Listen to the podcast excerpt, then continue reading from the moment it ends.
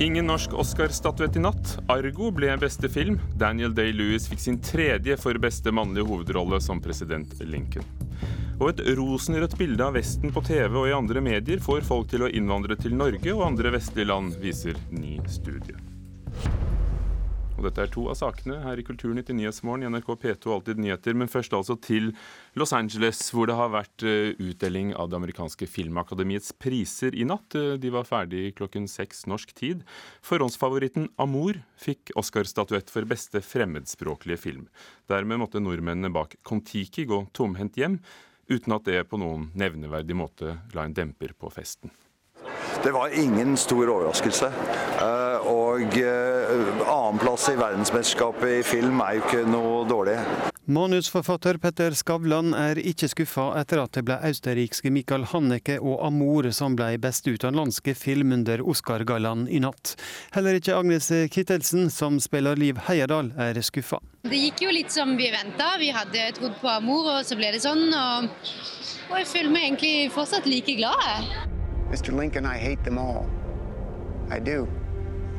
I am a prejudiced man. Congress must never declare equal those whom God created unequal.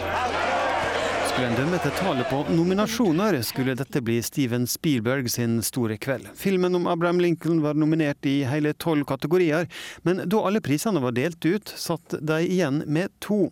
Beste produksjonsdesign og beste mannlige hovedrolle til Daniel Day-Lewis. I really don't know how any of this happened. I, um, I do know that I've received so much more than my fair share of good fortune in my life, and I, I'm so grateful to the Academy for this beautiful honor. Den store overraskinga var filmen 'Historien om Pi'. Filmen om en 16 år gammel inder som overlever et forlis, fikk fire priser. bl.a. prisen for beste regi til Ang Lee. I, I really need to share this with all 3000. Everybody work with me in Life of Pi. I want to thank you for I, I really want to thank you for believing this story and share this incredible journey with me. There was a time when men were kind. Filmmusikalen Le Miserable fikk tre Oscar-priser. Det var for beste lydmiks, beste sminke og beste kvinnelige birolle til Anne Hathaway. Spenningsfilmen 'Operasjon Argo' om hvordan amerikanske gisler ble satt fri i Iran i 1980, fikk tre priser. Mellom annet den gjeve prisen for beste film, og den ble delt ut av Michelle Obama. And the Oscar goes to Argo. Og det var en pris som gleder regissør og medprodusent Ben Affleck stort. I want to thank Canada. I want to thank our, our, our friends in, uh, in Iran living in, in, in, terrible circumstances right now. I want to thank my wife, who I don't normally associate with Iran, but um, I want to thank you for um, working on our marriage for uh, you know, uh, 10 Christmases. It's, uh, it's, it's good. It's, it is work, but it's the best kind of work. And uh, there's no one I'd rather work with. So. Og sjøl om det nå ikke ble noen norsk pris i natt, så skal det festes. Det lover Skavlan. Noen av oss er heldige og har vært invitert på Vanity Fair-selskapet, noen skal til Elton John, noen skal til Weinstein, rundt omkring. Da spres vi nok, men vi tar nok det som på hoppspråket heter en samling i bånn først. Petter Skavlan, en av Kon-Tiki-gjengen, og reporter var Espen Alnes. Og så finnes det mange festlige klipp fra takketalen og kjolen osv. på nettet. NRK.no er en anbefalt side der. Mona B. Riise, vår reporter i Los Angeles, du har fulgt Oscar fra filmbyen. Hei! Hei! Hvordan fortsetter kvelden i Los Angeles? Nei, nå er det jo fester på alle gatehjørner, eh, så det spises kanapeer. Jeg hørte at Wolfgang Puck, som da serverer de som har vunnet Oscarer i natt, de får servert bl.a. Han har importert fem kilo hvit trøffel fra Italia som han har puttet i noen tortelliner, som jeg vet de spiser i natt. Men eh, det er festing overalt, altså. Og jeg vet at Kon-Tiki-gjengen, de, de, det blir jo på en måte siste kveld med gjengen for dem også, så de skal også samles, altså. Hvordan var stemningen blant nettopp den norske delegasjonen da, da prisen ble kunngjort? Altså Det som eh, har skjedd de siste dagene, er jo at Kon-Tiki plutselig føltes mer og mer som en, en, en, film som kunne komme til å vinne. fordi at eh, altså Det har jo vært helt soleklart at Amor har vært den store favoritten. Men så har vi altså møtt så mange i akademiet og filmfolk som har sagt at de har stemt på Kon-Tiki. Og det viser seg også at mange har stemt på Kon-Tiki. Så det var en sånn veldig nerve i salen. Ikke det at, ikke sant? Men man må jo håpe og tro. Og så ble det ikke det, men så var jo alle selvfølgelig glad og fornøyd, fordi Amor eh, er en fantastisk film, og en helt annen type film. Men Danskene var jo også ganske spente, fordi En kongelig affære var jo også nominert. Og, og ifølge noen øh, sånne spillsteder så var det nummer to. Har du sett noe til danskene? Eh, ikke sett noe til danskene, men sett til glade svensker, som jo bl.a. vant eh, beste dokumentar eh, for 'Searching for Sugarman', som er jo en fantastisk dokumentar. Så glade svensker har jeg sett flere av, men ikke sett noen dansker. Jeg er sikkert for deppa. Kveldens mest minneverdige øyeblikk for deg, Mona, som reporter i Hollywood? Eh, da Ang Lee fortalte om eh, faren sin fordi altså, Faren til Ang Lee han håpet at, uh, han, at Ang Lee skulle vinne Oscar i kveld. Og det gjorde han jo, men faren sin grunn var at ja, nå er du jo over 50, da kan du kanskje begynne med noe annet. og hvis du får en Oscar Vi håper selvfølgelig ikke det. så var det jo det at Jennifer Lewis, som jeg nå har møtt noen ganger, og som jeg vet er veldig nervøs i sånne anledninger, ikke minst pga. klærne. og Hun er egentlig en sånn guttejente. Hun klarte jo å falle i trappa opp når hun vant beste kvinnelige skuespiller, men det gjorde jo ingenting. Det er, det er, det er akkurat selvfølgelig sånn som skulle skje henne. Men eh, det var veldig gøy at hun vant, syns jeg.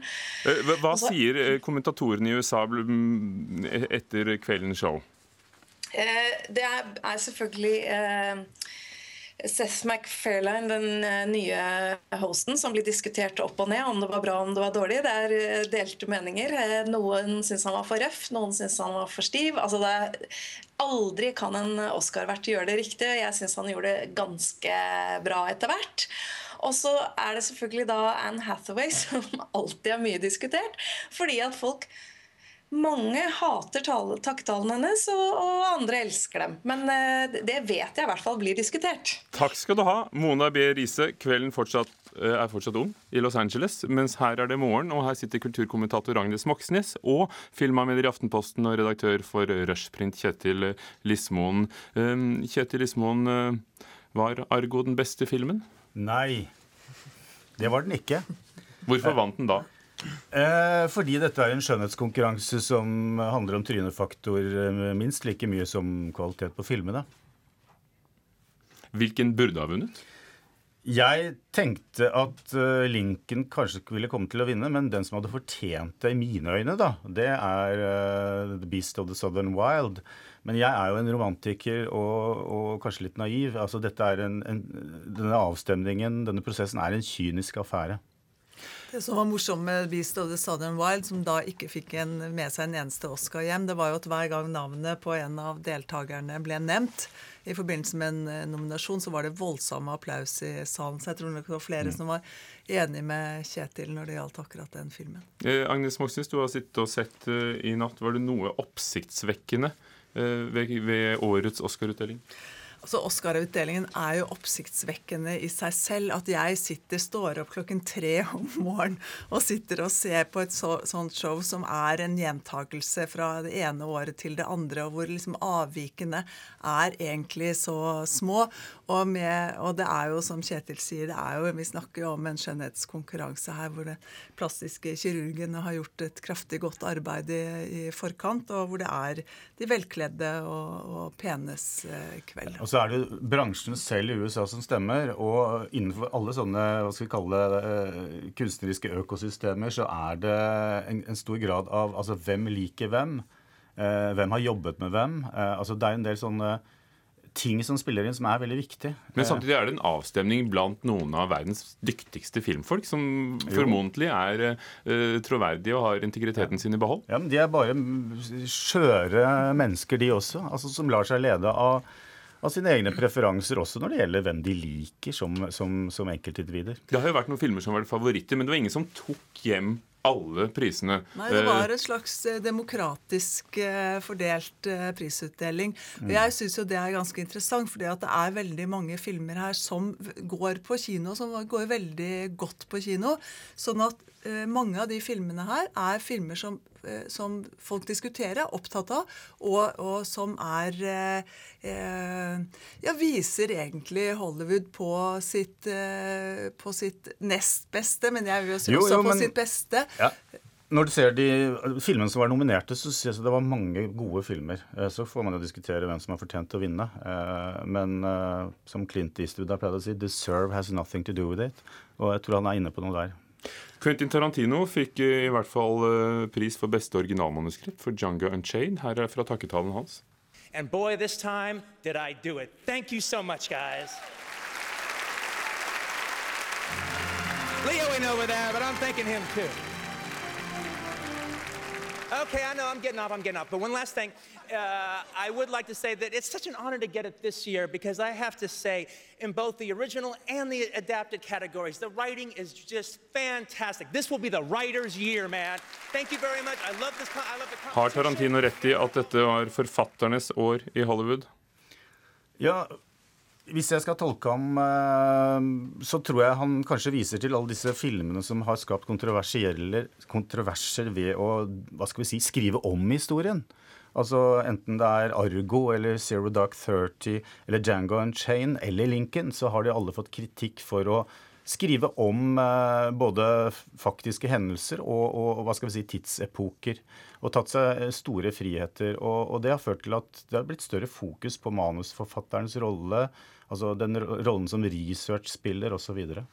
Det er jo det samme debatten som pågår i Norge også. At man må gi eh, manusforfatterne større oppmerksomhet og, og, og spillerom. Og kanskje av og til også på, mer på bekostning av regissørene. Og noen ganger så tar de seg vel store friheter og får vel stort spillerom, men, men, men det er en del av, av gamet. Altså, og det er diskusjonen som fortsatt pågår. Var det noen priser du merket deg eh, spesielt? Enten fordi de var spesielt eh, uegnet som beste film, ifølge deg, Kjetil Ismoen, eller andre som var veldig fortjent? Uh, jeg syns Det var ikke noen spesielt overraskende utfall her, eh, hvis jeg skal være kynisk. eh, men eksempel Jeg hadde ønsket at uh, Emmanuel Riva skulle fått prisen for beste kvinnelige skuespiller. Hun er 86 år. I dag, faktisk. I dag. eh, det er hennes eh, livs rolle, store rolle siden gjennombruddsrollen i, i fjor i Marienbad på 50-tallet. Sånn at eh, Nei, unnskyld, 60-tallet. Sånn at hun hadde for, virkelig fortjent den prisen. Og, men jeg tror ikke Oscar-akademiets medlemmer, flertallet av dem, vet hvem hun er. Var det et godt show, Agnes Moxnes? Eh, Ja, det er, også, jeg tror det er veldig mange som elsker å se masse musikaler. altså Hele crewet til Le Miserable var der. Det var ikke minst Shirley Bassey som sang Goldfinger for å hylle hun er 76 år. og det var kanskje The en av de... gayest year ever, sa programlederen. Ja, og det, og det øyeblikket med nettopp henne tror jeg var et høydepunkt fra natten.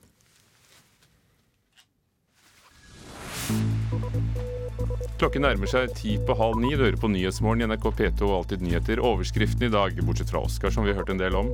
Alle parter taper på at foreldre til minoritetsbarn er redde for barnevernet, sier Redd Barna.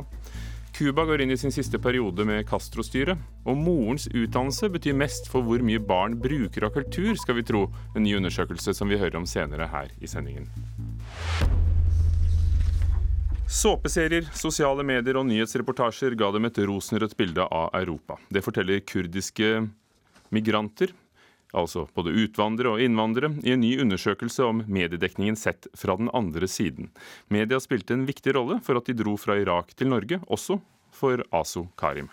Vi så hvor vakkert er det. Naturen, f.eks.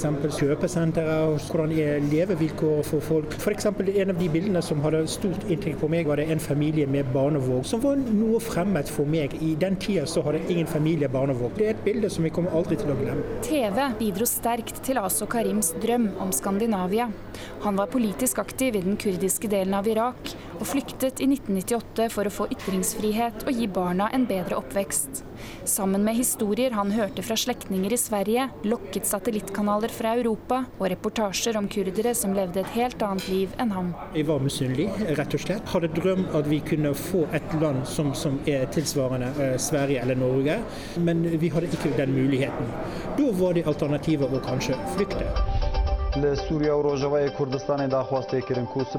tillegg til nyhetsreportasjer om vellykkede kurdere i eksil, ga Abbas musikk Aso Karim et positivt bilde av Skandinavia.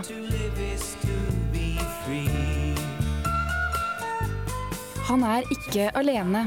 Ny forskning fra Universitetet i Oslo viser at bildet folk får av Europa gjennom TV, nett og sosiale medier, bidrar til at de forlater problemene i hjemlandet. De så på såpeserier, de så på ulike typer dokumentarer fra Europa. De fikk høre om mennesker som hadde lykkes i Europa. Eh, veldig mange blir lokket av eh, en form for individuell frihet som de ikke har eh, i irakisk Kurdistan. Det sier Kjersti Torbjørnsrud ved Institutt for medier og kommunikasjon.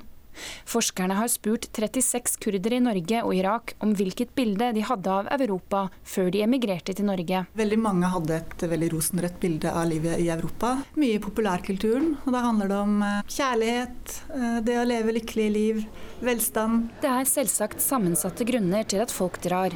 Men mediepåvirkning er en viktig årsak til migrasjon i mange deler av verden, viser britiske forskere i boka 'Media and Migration'.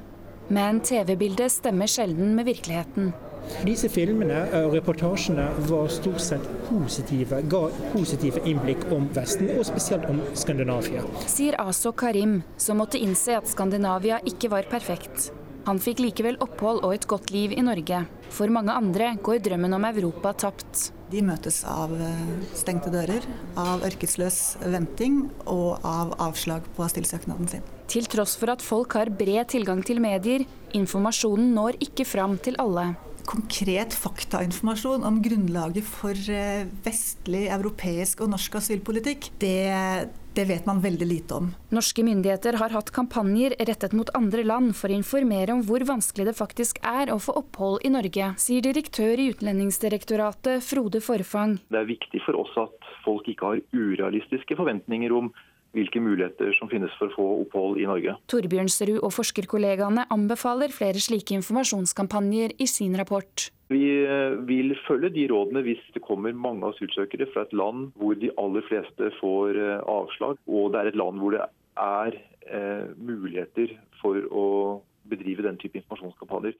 Og UDI har foreløpig ikke planer om flere informasjonskampanjer, men Justisdepartementet har satt i gang en kampanje i Afghanistan, og reporter var Ida Kvittingen.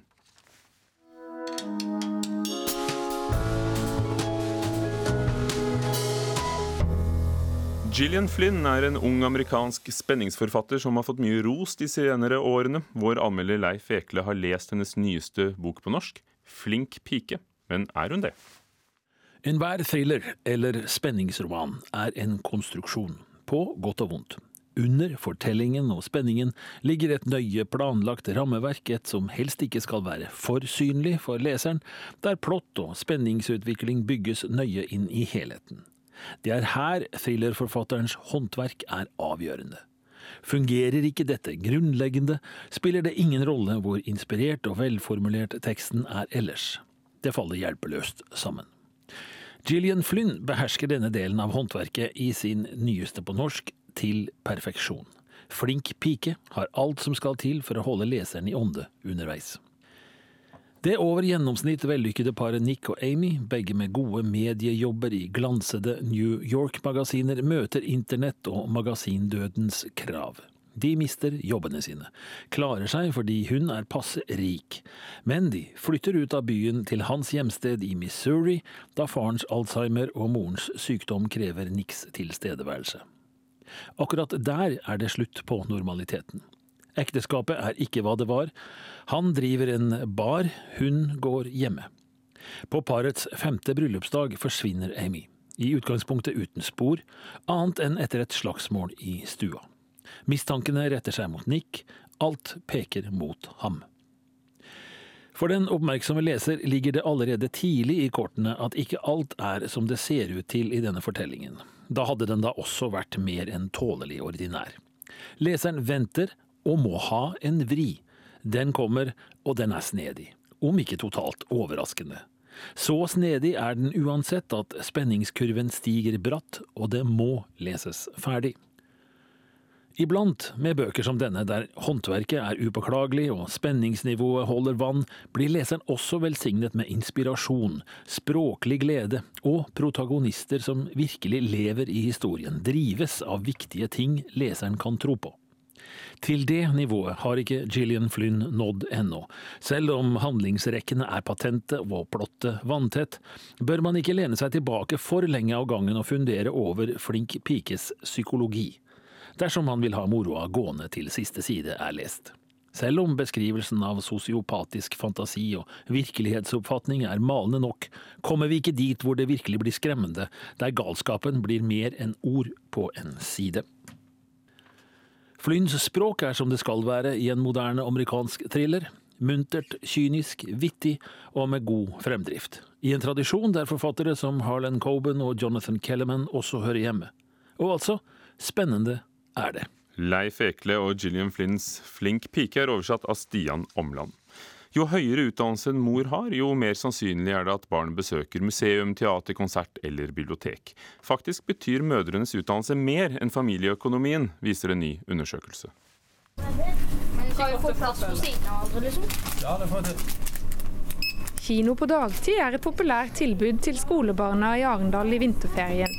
Vi 305, da. Barns kinobesøk er en del av Agderforsknings store undersøkelse om barns levekår og hverdagsliv på Sørlandet. I tillegg til å undersøke hvor ofte barn besøker ulike kulturelle arenaer, har de undersøkt hva som bestemmer hvilket kulturtilbud barna benytter seg av, sier forsker Ann Kristin Nilsen. Altså I hvilken grad barna er på konsert, teater, museum, bibliotek. De tingene han har, Der er det mors utdanning som først og fremst slår ut. Ja, Det hørtes litt kjent ut, sier mamma Hege Norheim på kinoen i Arendal. Men det er klart at når de begynner å bli sånn 13-14, så bestemmer de jo mer sjøl. Men når de er mindre enn det, så vil jeg jo si at det var med på å påvirke hva, hva, vi skulle gå på. Nå vil jeg si at museum er ikke det vi har vært mest på, men når det gjelder å bruke biblioteket og kinoene og Kulturhuset, så, og gå på idrettsarrangement, så er jo det ting som jeg syns er positivt for ungene å gå på. Så, så, det har jeg vært med på og vært en pådriver på, det vil jeg si. Mødre eller kvinner er kulturkonsumentene. Kvinner er de største kulturkonsumentene. Og eh, kvinner er også de som har størst definisjonsmakt på hjemmebane. Det er de som definerer den gode smak, eh, både når det gjelder innredning, ofte når det gjelder kosthold, eh, og, når det gjelder bruk av kultur. Så hvis mor har lyst til å gå på teater, så tar hun gjerne med seg hele familien og gjør det. Men det er ikke sikkert at far ville gjort det hvis han hadde lyst til å gå på teater. Hvor blir far av oppi alt det her? Ja, hvor blir far av? Eh, det er jo at når, når, mødre har høy utdannelse, så har som regel fedre høy utdannelse også. Det er en sånn tendens til at eh, kvinner gifter seg opp. Eh, kvinner får uh, menn med høyere lønn, høyere utdannelse, som også er fysisk høyere enn det. Så, det, det, forklarer noe her. Men så kan du også si at hvis mor har lav utdannelse, og far har høy utdannelse, så er kanskje ikke sannsynligheten like stor for at barna vil tas med på kulturelle arenaer. Også Hilde Midtbø Salvesen og sønnen Christian på 13 kan kjenne seg litt igjen i undersøkelsen. Jeg er vel egentlig ikke helt sånn, men jeg vil jo gjerne at de skal oppleve litt. Det vil jeg jo. De velger jo sjøl hva de vil gå på. Hvis, går, hvis familien går på teater eller konsert eller museum, er det du som er pådriveren? Ja, det er jeg vel. Ja. og så plukker du ut hvis du vil nå. Hva er det siste du var på? Det var sånn der eh, astroshow. Ønsker man at eh, alle barn skal få tilgang til kulturelle arenaer, så kan disse resultatene peke altså så peker de på hvilke grupper det er som man kanskje bør ha en spesiell innsats retta mot. Altså De som har foreldre med lavere utdannelse, og da spesielt mødre med lavere utdannelse, eh, er kanskje de man først og fremst bør fokusere på. Og reporter var Miriam Grov. I Kulturnytt i dag har vi hørt at Argo fikk Oscar-statuett for beste film. Men var det ikke, ifølge kommentator Kjetil Ismoen som var her i Kulturnytt. Derimot var showet ganske bra, sier Agnes Moxnes, vår kommentator. Kon-Tiki fikk ingen Oscar, derimot ble Amor beste fremmedspråklige film. Og Daniel Day-Lewis fikk sin tredje for beste hovedrolle som president Lincoln. Se klipp fra nattens utdeling på nettet, nrk.no. Denne sendingen var ved Espen Hansen, teknisk ansvarlig, Vidar Sem, produsent, og Ugo Fermariello, programleder. Klokken nærmer seg halv ni. Dette er Nyhetsmorgen, NRK P2 og Alltid nyheter.